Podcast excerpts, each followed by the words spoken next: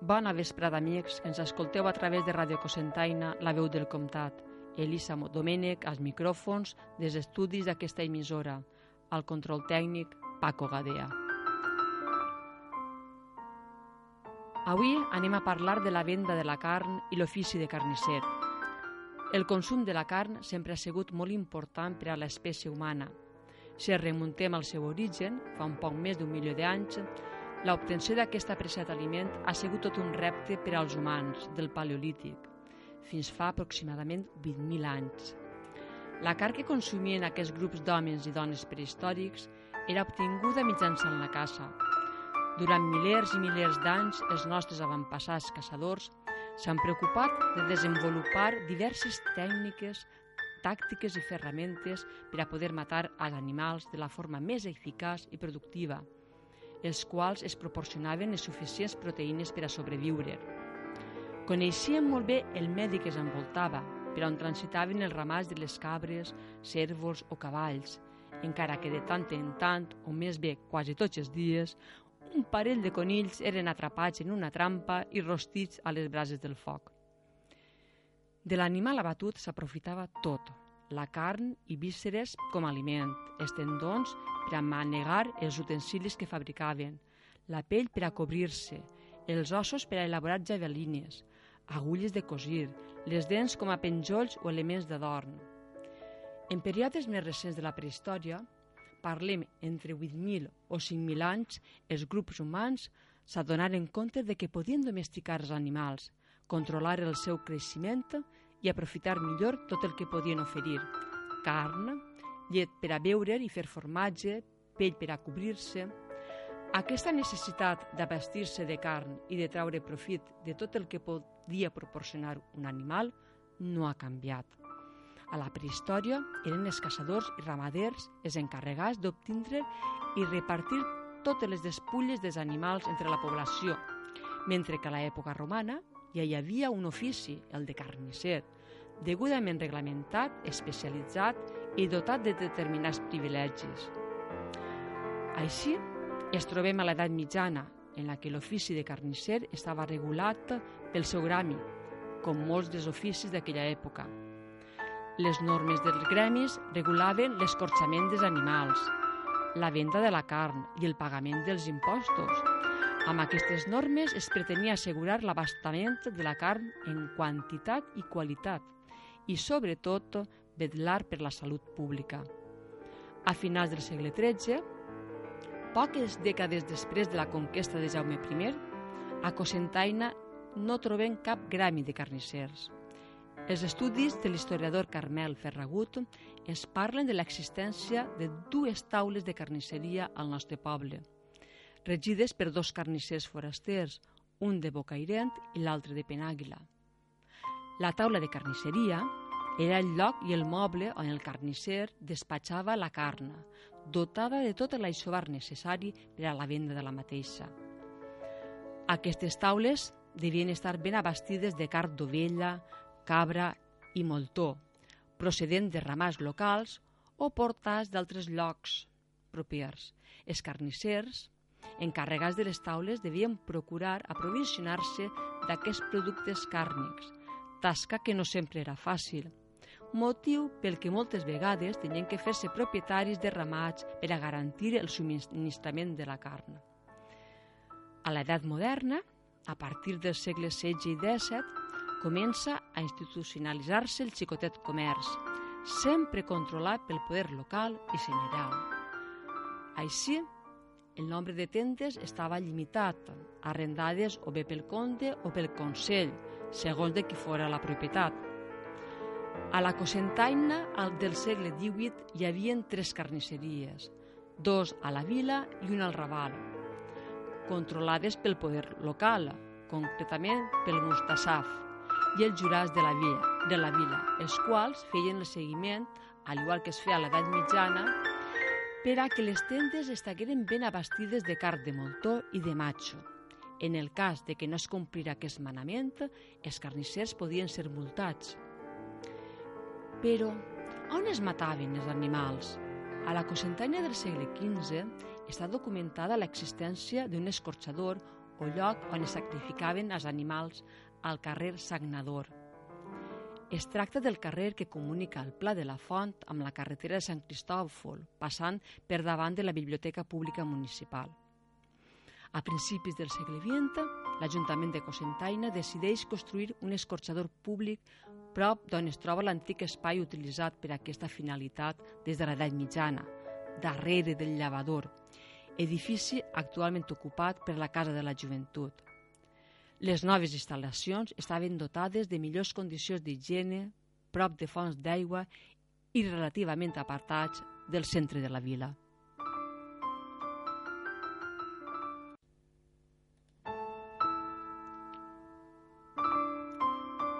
Dels carnissers i carnisseries de finals del segle XIX i del segle XX de Cosentaina anirem ocupant-se en diversos programes.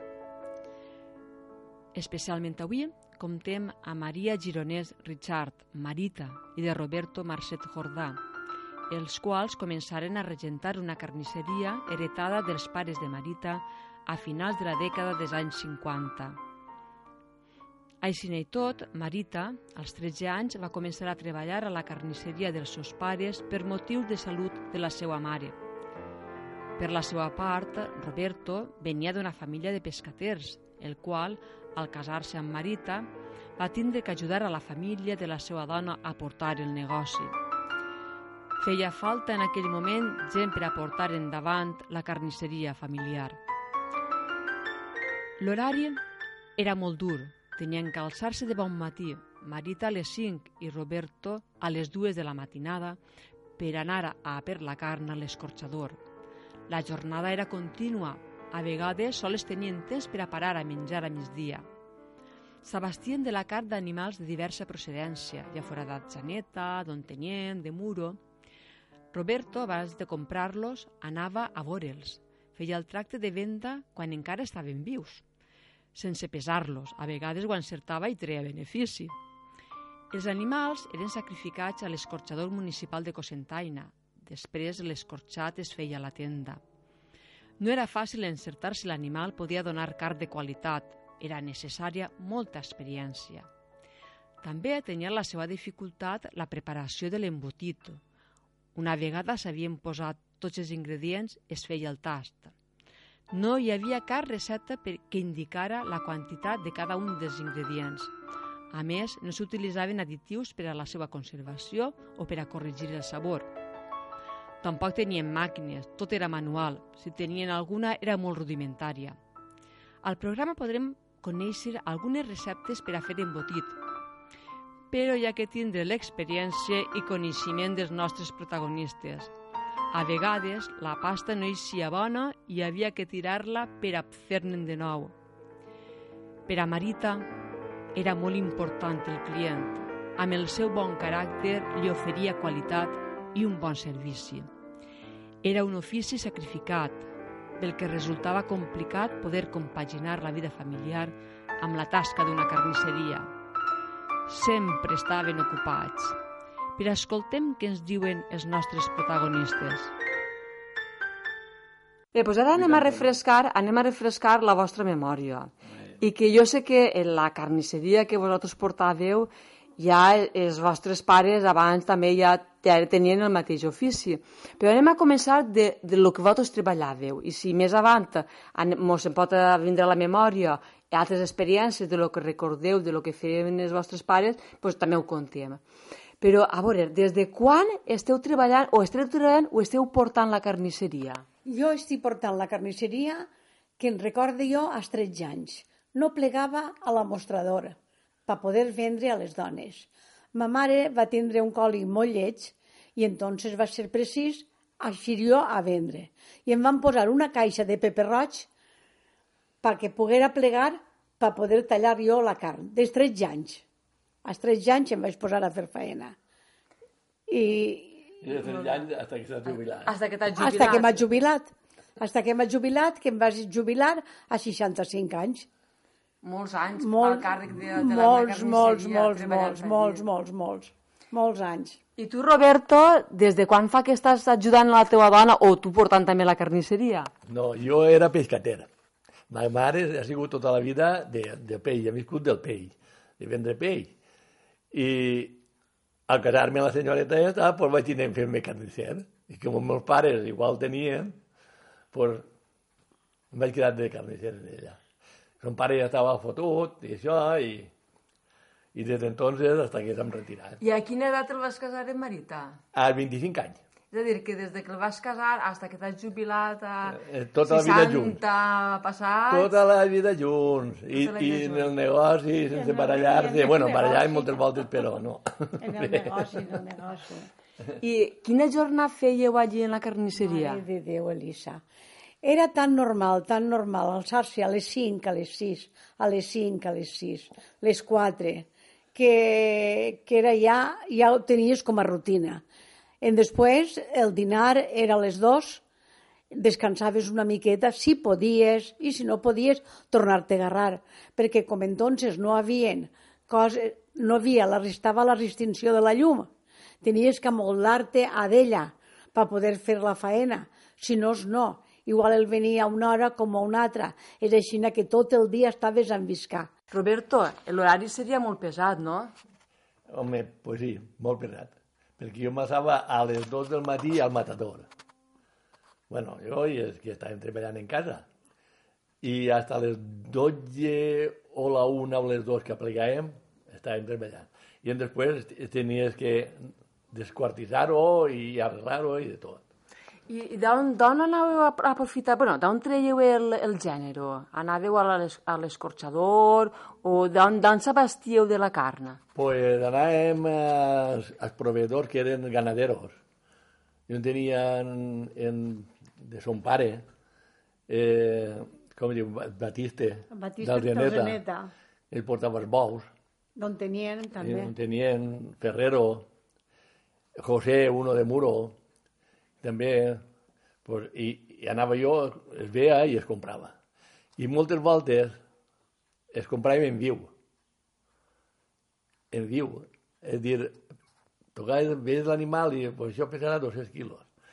Tu no sabies, però després si guanyaves, guanyaves, si pedies. És a a ull, era a ull, no? no A ull, a ull. Pensàveu... Pues, Era això, ull, jo n'he comprat molts a ull.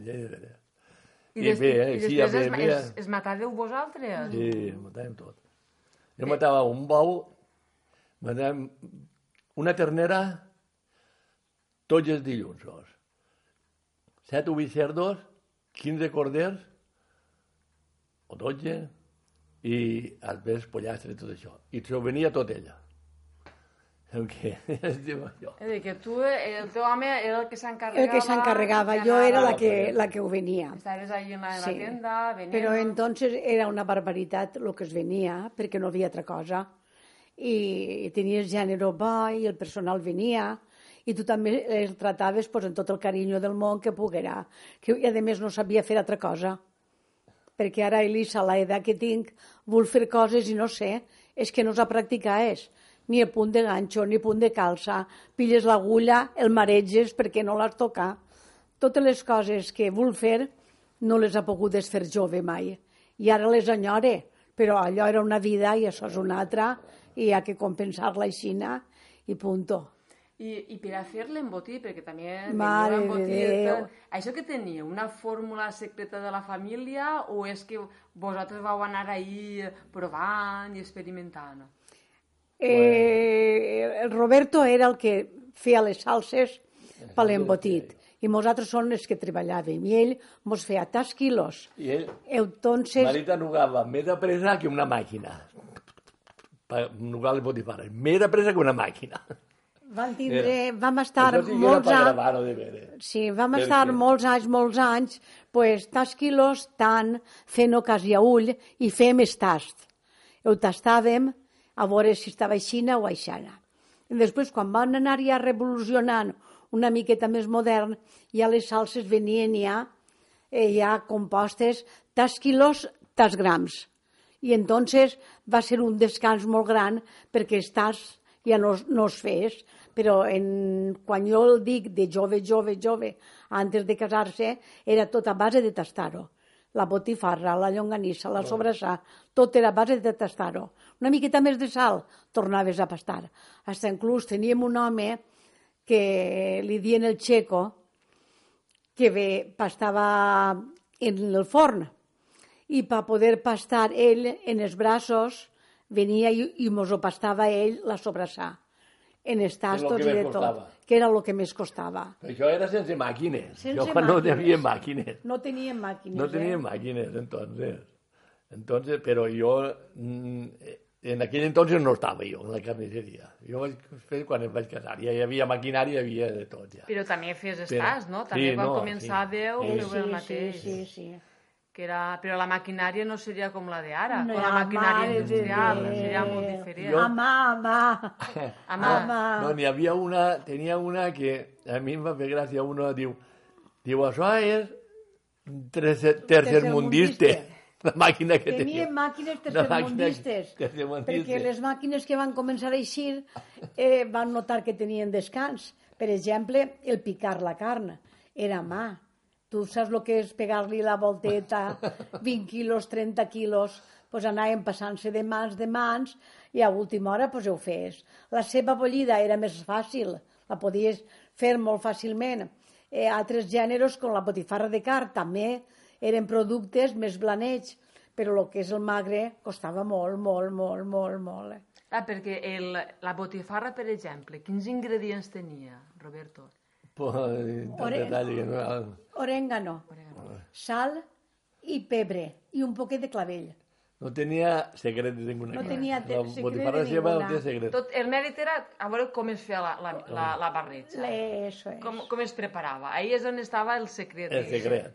El secret Después de- estava en, en, en posar-li més grasa o menys grasa, o més ceba o menys ceba. Li posaves tanta Sí. quantitat de grasa per a la ceba. la ceba. I en després, claro, antes de fer-ho també ho tastaves, perquè a veure si li faltava una miqueta, ja estaves en el tast. I tenies que fer la botifarra de ceba en aquests tres... In... Ja no hi ha, no havia No res, hi ha més res, res. A mi el no embotit que més m'ha agradat, agradat de tot ja ha sigut la botifarra de ceba. Botifarra de ceba és el que més m'agradava. I Eh. m'agrada, segueix m'agradant bé. Que és, I la fem molt bona, de veres. No és per res, però la fem molt bona. I també les llonganisses també La serien Llonganissa ja altra. tenien... La la llo- llonganissa necessitava ja molt més magre. Sí, Ja la ja llonganissa era més qualitat. complicada. I allò, Més com- eh, la ceba només té que grasa.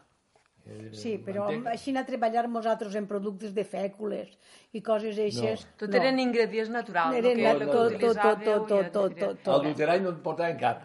I a més, a lo No. millor una setmana, depèn del tast que... Això m'ha vingut ara al Sí. pensament. Depèn del tast, si ho havia encertat més o, no, o menys, poden ser millor que altres, no? Sí, a Ah, més sí. el públic també t'ho dia, que no era tonto. Està més salaeta o està més dolça, t'ha eixit menys sabrosa o a voltes també la sobrassà.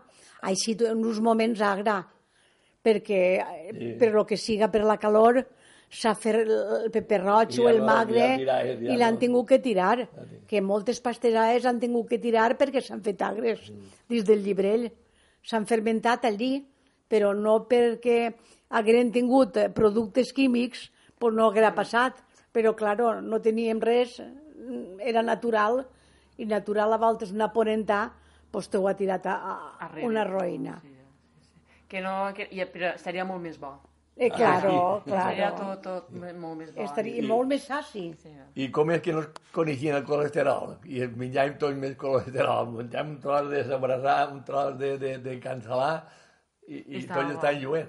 Pues perquè a banda, a banda es menjava menys i també tots aquests productes additius que posen ara, penso jo, que són el que provoca que sí. el colesterol, els càncers i tot això. Eh? això tot Jo crec que sí, perquè antes em feien un xusco i, i un tros així de cansalà i ja la... I estava més bo que molt. I no passava, no, No No passava. passava res. I tu, Marita, com portaves? Perquè, clar, també has tingut fills i tenies que estar tot el dia... Jo me recordo de xicoteta anar a la carnisseria vostra i veure a tota hora el mostrador. A Allà tota darrere, hora, a tota la hora, gent, tota sempre hora. en la sonrisa en la boca. A tota hora. Però també tenies dos fills. Com portaves el tema ese dels teus fills? molt complicat molt, molt, És- molt, molt Jo en, sempre he pensat en els fills de no tindre-los en la carnisseria per la faena que donaven. se, I jo es, es vaig encaminar els dos que buscaren los que els agradaren d'ells. Però era molt, molt complicat. Tenies que tindre, entonces dien niñeres, tenies una xica que el tenia tantes hores el xiquet, i a les hores de donar-te mamar doncs vas tindre que llevar-li el pit perquè jo no podia ni donar-li mamar perquè faltava temps, perquè l'amostrador tenia que estar ocupat per algú i tenia xiques que, que en tenien els xiquets. Em, que vaig tindre més sort va ser en el segon, en Robert, que vaig tindre un matrimoni ferroviari que vivia d'enfront de ca la meva sogra. I entonces em va pillar el xiquet i no tenien família. I em van pillar el xiquet i entonces vaig descansar jo. Perquè em cuidava la casa i després de cuidar-me la casa me'l va criar com un rei, que diuen ells. I vaig tindre sort, que sempre hi ha Algú que- algú que... I en salut, pues, les abueles, en, No, en, en l'Armínia, o sigui, anaven ajudant-me molt, però molt pesat, Elisa, molt, molt, molt, molt, molt Bueno, pesat. però això ja ha passat. Ja, però ara estem per a, també per a recordar-ho i que la gent conega que la vida de, de les persones majors d'ara no ha sigut fàcil. No, no. Ha sigut una vida No, dura, molt de molt de sacrifici, molt eh? Ara la joventut viu. Nosaltres no hem sabut el que és viure. Per jugar en el baló, agarrem una vejía de, del matador, la bombem, i això era el baló. Valor. Sí, era un valor. Content.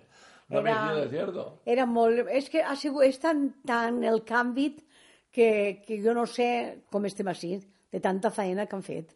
Perquè n'han fet una montona. A més, en alegria. Jo no sé què passa ara, que molta gent està molt agraviada. Però nosaltres sempre l'han feta sempre contents, perquè no havia tres remei tampoc. És igual con Roberto quan es va casar, eh, mon pare malalt pues, tenia que pillar un home. De quina forma? Roberto Vinetent. Roberto es va casar amb mi i, i ahir van va quedar portar, carnisser. es va quedar carnissera. I I ho va i portar molt bé. Exacte, va, va aprendre l'ofici i va bé, estar ahí molt bé. treballant, Molt bé, molt bé. com si hagués sigut el carnisser de tota És la que vida. Sí. son pare em va dir, diu, això és molt pesat. Dic, bé, molt pesat. Ell sí era pesat. Jo m'alçava en els 14 anys a les 4 del matí a, a vendre peix. Descarregava muro en el carro. Anava en carro. Anava en carro. Descarregava muro. Me n'anava a Agres. Me n'anava a Fafara. Venia d'allí i eh, venia el peix i me tornava a casa. De les 4 del matí a les 4 de l'esprà. A les 4 de dinava i me n'anava a l'horta a fer segar menjar per animals, perquè tenia que menjar. I, tenia que... i me n'anava ahí i acabava pues, a l'hora de festejar que en ella. Quan li va dir- di- quan li I va quan dir- va, tu, mon pare diu, això és molta feina, molta feina, pues jo no li veia el dia de feina a la carnisseria de la que feia antes. Sí. Ha sigut pesat, pesat, pesat. Molta feina pesat, molta, molta, En molta. comparació a lo que En estava fent En ton pare a la carnisseria, eh, no, no tan pesat. I clar, i també per a la carn m'heu dit que eh, o bé se'l matàveu l'animal o bé anàveu a l'escorxador i compràveu la carn. Però això tindries que tindre una, una vista molt especial per a poder saber si la carn era bona o no. No, però tot és la pràctica. De... Tu estàs matant un animal i pots més o menys dir 200 quilos per a llevar. I després el pedall és, faltaven 10 quilos, sobraven 10 quilos, que sigui, però era, era tant la pràctica que Que ja, I- ja a simple vista ja sempre podries vista ja ho saber... sabies. Ja ho sabies. I, i, se, I el tocar és, sabies si tenia més grassa o menys grassa o, o més de tot. Que era la, pues mira, la rutina. Igual que cerdos, quan es veiem, això té massa cancel·lar. I ara el bo és la cancel·lar. I antes es fugia de la cancel·lar, però... Ah, també s'ha demostrat això que té és massa bona. cancel·lar. I els cuixots també els curàveu vosaltres. Nosaltres, nosaltres. Què, què feies? Què feies per a Mare de curar-los? Déu, Elisa. Això sí que era pesat. Això sí que era pesat. Pesat, el jamón era pesat. I quin procediment seguíeu per a fer el cuixot? Pues mira, venia, venia, portava ell una comparació, 50-100 jamons. Però Té- quan, quan el matàvem, els fem més de nosaltres. Quan es va mat- després, quan quan, es ja van tancar el matador. Sí, quan, es, quan mataven... matador, Les... Quan matàvem nosaltres, els salaven totes les setmanes. Tots els cerdos que matàvem, si matàvem 8, 16 jamons anaven a la sal. I, i 16 jamons la setmana que ve. 16 jamons El, però el procediment era pillar el jamón, el descarnar-lo, tenies que xafar-lo, molt xafar, molt xafar per treure-li les venes de la sang. En les- Perquè això ara es feia amb màquines. Ara es fan màquines. Però an- abans no. Antes, abans no. Abans no. Abans no. eh, llevaves les venes de les... De, perquè les mans no podies. Entonces era xafar-ho i en pedres posar-los una nit a l'altra perquè poguera xorrar la sang. Una volta que xorrava aquesta sang, el, Tiraves a la el sal. tiraves a la sal. I la sal estava 8, 8 dies, 8 o 10. No, estava una setmana en Un sal completa. un quilo I una altra per- setmana a mitja sal. I després es traies i es rentaves. Era un quilo de sal per un quilo de, de lo que pesava el jamón. I en després... No, un dia de, sal per quilo de... de, de... O no. En després es treia el jamón, el, el, el cuixot. Es treia el cuixot, es pillava la pila i, I es rentava. rentava. Una volta que rentava, l'aixuaves ben aixuat i tenies que penjar-lo. I, I procediment i una- de, de secar-se. I ara és el procediment de secar-se, però molt pesat. El jamón era molt, molt, molt, molt. Pues Molt. si teniu que estar en la tenda, anar a per la carn, preparar l'embotit, Ai, Déu, no, curar, curar, preparar els cuixots i tot, no tindria, clar, no, era molt dur. No era molt dur, molt, molt, molt. Perquè els cerdos venien del matadero, però, claro, els cerdos els tenies que tallar a trossos. A cada d'especiar-los pel despiece que és... Això necessitaves moltes hores. I després tenies un altre, que tot l'embotit que fes tenies que llevar-li la conna, Això què és la conna? la pell, La pell. del cerdo. Sí, la cosa. Tu saps el que és? Antes feien, quan hi havia molt, molta fam, feien botifarres. Es feien dien andoles. Andoles. Quan havia... La, la, la, però ja quan van començar a guanyar algo, ja l'andola va tenir L'andola era un procediment que la pell del cerdo el posaven a bullir. I després el picàvem, li posàvem salses i fèiem com una botifarra de carn. Que Jo això l'he la provat. saps provar. Estava bona, jo recordo que Sí, estava molt bona. sí, era lo, lo que es dia l'andola, Andola. que era de conna. I, i també, barat, ja per sí, cada trosset, si hi havia 400 quilos, 500 quilos, lleva-los tots de la pell del magre per, per aprofitar-ho i per poder-ho vendre que era molt, el, la carnisseria era molt treballosa, perquè no havia res, res, res, res pràctic, ni hi havia res modern, ni res. Eh, Ara no, ara és una meravella, qualsevol pot ser carnisser. Tenen Ara ahí qualquiera. les Ah, pues ja tot posen els ingredients i et Ja. dicen ja el rastre de botifarra, Eso el es. rastre de longaniza. Ara qualquier pot ser carnisser, però en la edat de nosaltres, que, que són molts anys, pues era molt, molt, molt, molt pesat. Molt I a pesat. més, poder perquè ho veníeu a- al, al client. Claro. Més persones, I teniu que fer-ho bo, perquè el client, si no és bo, no torna i no compra. Claro. Això és una experiència que teniu que anar provant i experimentant. Era molt, molt pesat, molt, molt. I hi havia moltes pegues a la faena. Per exemple, Elisa, eh, el tinc que dir que posàvem les botifarres a bullir i ara pues, hi ha un termòmetre en què el diu tot el que tens que fer. Però a voltes el cerdo, per lo que siga, tenia una miqueta d'àcid i el rebentava les botifarres. I te se quedaven tota la pasta Tot el- per damunt de la Tot el- caldera. I havies, tenies que tirar-ho. Ja no ceba ja no havia era- ganàncies. Era fatal. Tot pèrdua ja. Tots són pèrdues. Tornava a fer altra volta. Això, això era Ja no molt... Era, això era un desgust molt gran, molt gran. I, clar, i es tenia que fer, perquè si l'embotit es quedava cru, això no valia res. Es feia pudent en seguida. I, i mos portava pues, un mal de cap molt gran, molt gran, molt gran en el, la ditxosa pollida de la botifarra. I quan fe... I tindríeu alguns dies especials? Un dia No, pues, fèieu no. la botifarra, o altres dies fèieu l'embotit, perquè tots els dies no faríeu No, l'embotit. no. Això No, tindríeu no. alguna... Dilluns, Dilluns, dimarts i dimecres són els tres dies que més fortet li arreàvem a, a tot. Dimecres, dimecres era per netejar ja les coses de l'embotit, deixar-ho tot dia net i a vendre, que era el dijous, que era el fort, divendres, dissabte i diumenge de matí, que es venia. També obriu el diumenge pel matí. Eh? També veníem, perquè entonces Bueno, no, no no. havia neveres i van posar un servici que nosaltres quan teníem neveres en què les dones es van fer unes bolsetes de tela i allí es posaven la carn antes de o el les neveres. I ho portaven a la carnisseria i diumenge, antes de posar el puchero venien a replegar-ho a la carnisseria Això és voler al client.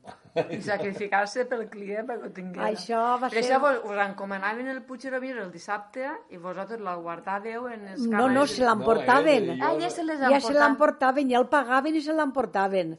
Entonces el posaven ells en la bolsa i en la bolsa el portaven a la carnisseria perquè no es desfera roïn. Si en venies 20 o 30, doncs 20 o 30 bolses que tenies. o sigui, que era un servici que van donar, que van donar. És a dir, que ara ja és- no, és- no és igual, ara vas a, a les, si no vas als centres comercials i allà ho tenen tot preparat Ara ho i, tenen tot preparat i, i, no, i no saps el que i compres. no sabe, no sabe, no. No és el mateix, no, és No, igual no tindre és un igual. professional darrere que es dedica No, amb no. vosaltres, que es dedica a Déu a d'això i entonces això ja era una garantia per a- de, de qualitat, era Sí, una, sí, una, sí. una garantia Però que és, era molt, molt, a més, era un ofici molt brut, tenies que tindre molt d'aseo, molt, molt, molt, molt. Tenies que tindre un molt asseat. Tenies que anar davant, davant, davant, davant del qui t'ajudara només per, per tindre un net. Per tindre un net i no tindre un brut, perquè era la base principal. Era la base principal. Una anècdota. Eh, nosaltres teníem d'inspector, d'inspector, eh, eh, Sí, el que anava a fer el la control FOA, eh, sanitari. veterinaris d'ací. Sí. I una volta estava de, de vacacions, va vindre uno foraster. I va vindre a inspeccionar la carnisseria, que feien una inspecció. Diu, què estaven? Esperamos. Esperamos? Com? Si no sabíem res. Diu, com està tan net la carnisseria? Com està tan neta? No, quan diu, sí, que estàvem Ara està ja és pa, pa netejar. Per netejar. Netejaven moltes hores per netejar. Va, venir- i va sorprendre de veure la carnisseria tan neta. Ara, era una responsabilitat per vosaltres. Claro. Tindreu tot asseat i No, tot en la net. casa no fem mai olor de carnús, mai. Mai. Nosaltres mai hem fet olor de carnús. Ara, el cloro, que era l'elegia, el cloro concentrat, en gastàvem més que en les piscines. I Merita, te'n recordes tu de, de quan a ton pare o quan a ta mare et portaven a carnisseria? Te'n recordes d'algo, com feien ells, com treballaven? Si era igual de, de pesat com, com Sí, vosaltres? molt Més més. Era molt més pesat. Perquè si jo encara tenia un, que el diré, un servici d'un llibrell o algo encara el tenia, però o cubes també, però és que ells no tenien res, res, res, res. Tenien una caldereta per bollir d'eixes de coure, que me'n recordo jo que tenien de coure. I, i en eixa caldera eh, no, no havia, no havia, era, era matar-se de fer faena. Es venia, des de luego, molt menys que entonces, perquè es venia molt menys, però el servici tenies que fer-lo i, I no tenien els mateixos i no mitjos. tenien els mateixos mitjos tampoc per fer-los. Jo de, de així en ells no tinc, no me'n recorde.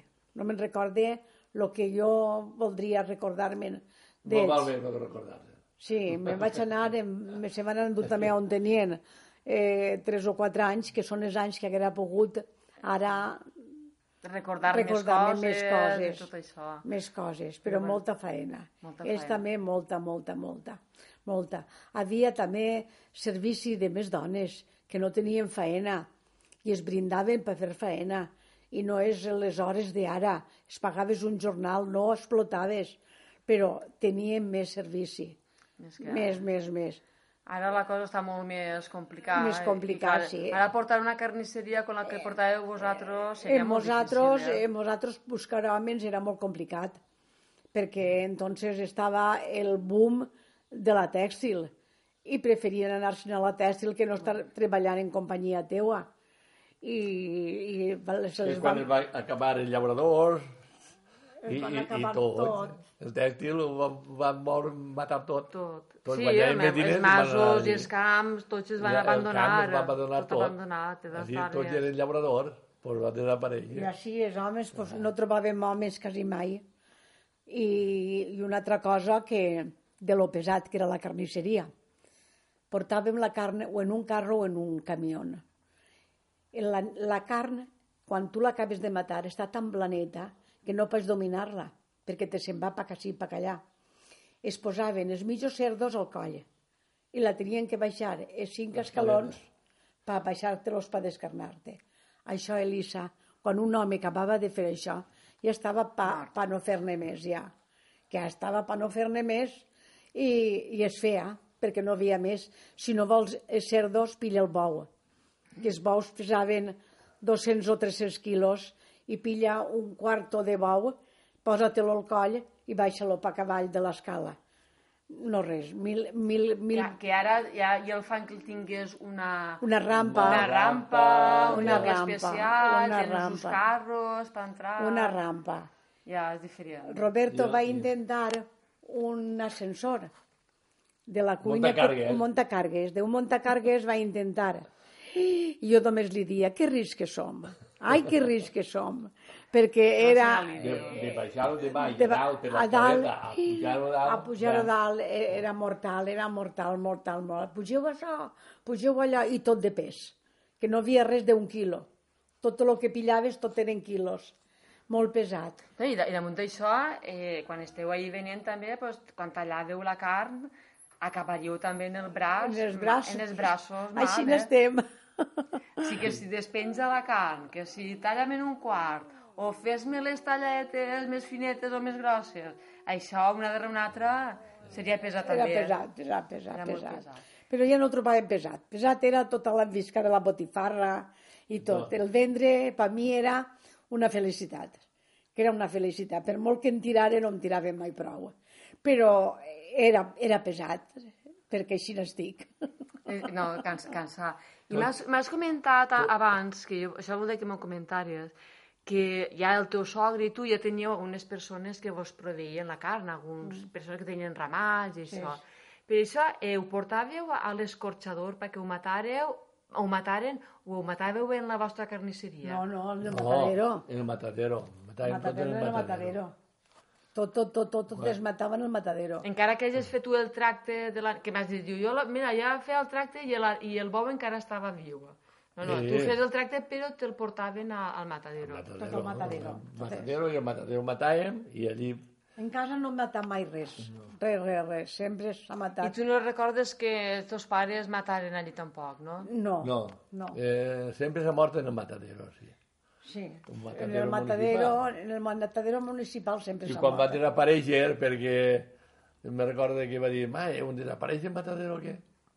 Va desaparèixer ni més ni menys i, i perquè les dones eh, en aquell entonces ven un camió de la carn i ja no, ja no volien ja no volien carn, volien que la fora morta per nosaltres.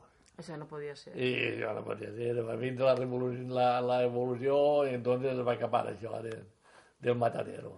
I es, entonces es matava en el matadero i papelar els cerdos no es feia, es feia en angilagues, que teníem un home que anava a la serra a fer les angilagues. Mos es portava i les pagàvem. El tio Enginalaga, li dien. El tio Engilaga. I, i en després, en el matadero, quan mataven el cerdo, pa pelar la pell del cerdo, el pèl, el sulfimaven. Que no... En les En angilagues. les angilagues. Saps, saps què passa, Elisa? Que ara En quan les dius això, angilagues. dius, l'abuelo ja té que És collons que va contar. ara per contaràs, es contaràs això i el pensaran que és... Però és la veritat. És la veritat. És la veritat. La La meitat d'incendis la- no estaven. Clar, Però és perquè les estava neta. L'altre dia vaig ir a la tele, aquests dos xicos barallant-se en el ja ho has rogle. contat tu adés. Ja, m'ha contat antes, barallant-se en el rogle, i pues, i això nosaltres ho fem a cap moment. A cap moment estàvem agarrats del coll.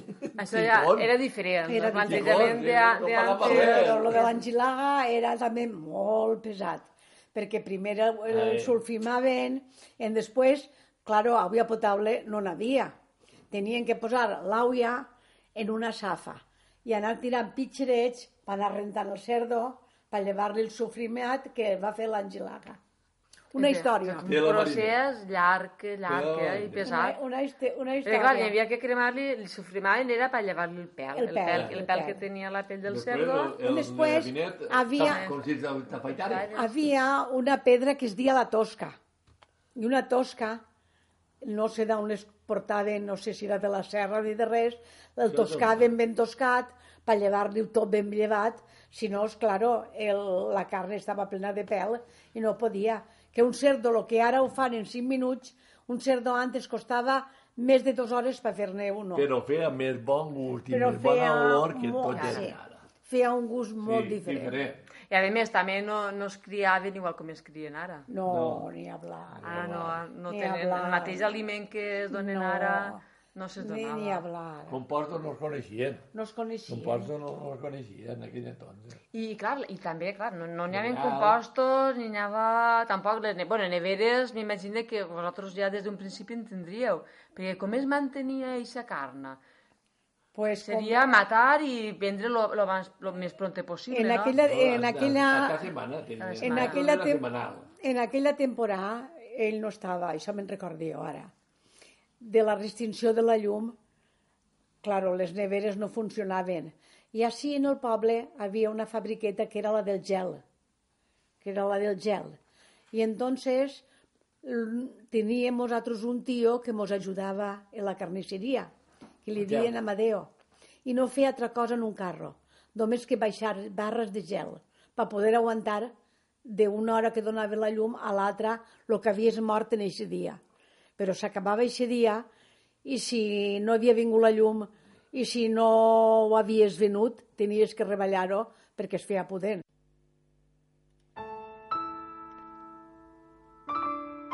Benvolguts amics del programa Reals i de Ràdio Cosentaina. Avui hem començat un cicle de programes dedicats a l'ofici de carnisser i la venda de carn, aliment que ha acompanyat a l'home durant més d'un milió d'anys. Però l'ofici dels carnissers és del més antic. Recordem que a l'època romana ja proporcionaven una part important de la carn que consumien les poblacions. A Cosentaina tenim moltes més històries relacionades amb aquest ofici, les quals anirem descobrint en futurs programes. Per avui hem comptat amb el testimoni de Maria Gironès, Marita i de Roberto Marcet. Tota una vida dedicada al tractament i a la venda de carn i dels seus derivats. Una vida molt sacrificada, però portada a terme amb molta il·lusió, com acabem de comprovar. I com no, agrair-los el que poguérem conèixer aquesta interessant història, la seva disposició, amabilitat i hospitalitat. Obrim-me les portes de sa casa i perdre un temps per a que puguem endinsar-nos en les seues vivències familiars. Han fet una valuosa aportació per al millor coneixement de la nostra història, d'una història que no es troba als documents ni es pot escorcollar a través dels vestigis, una història que es conserva a les memòries que deuen ser refrescades per a contribuir a la reconstrucció del nostre passat, el qual es permet a comprendre el present i preparar el futur. Bona vesprada, amics, fins al pròxim programa al mes de gener i que a través d'aquestes zones anirem avançant-nos el contingut. Si algú vol participar o vol contar la seva història, que no dubte posar-se en contacte amb nosaltres al telèfon de Ràdio Cosentaina 96559 0964 o al correu electrònic elisafaus arroba hotmail.com. Bona vesprada, amics!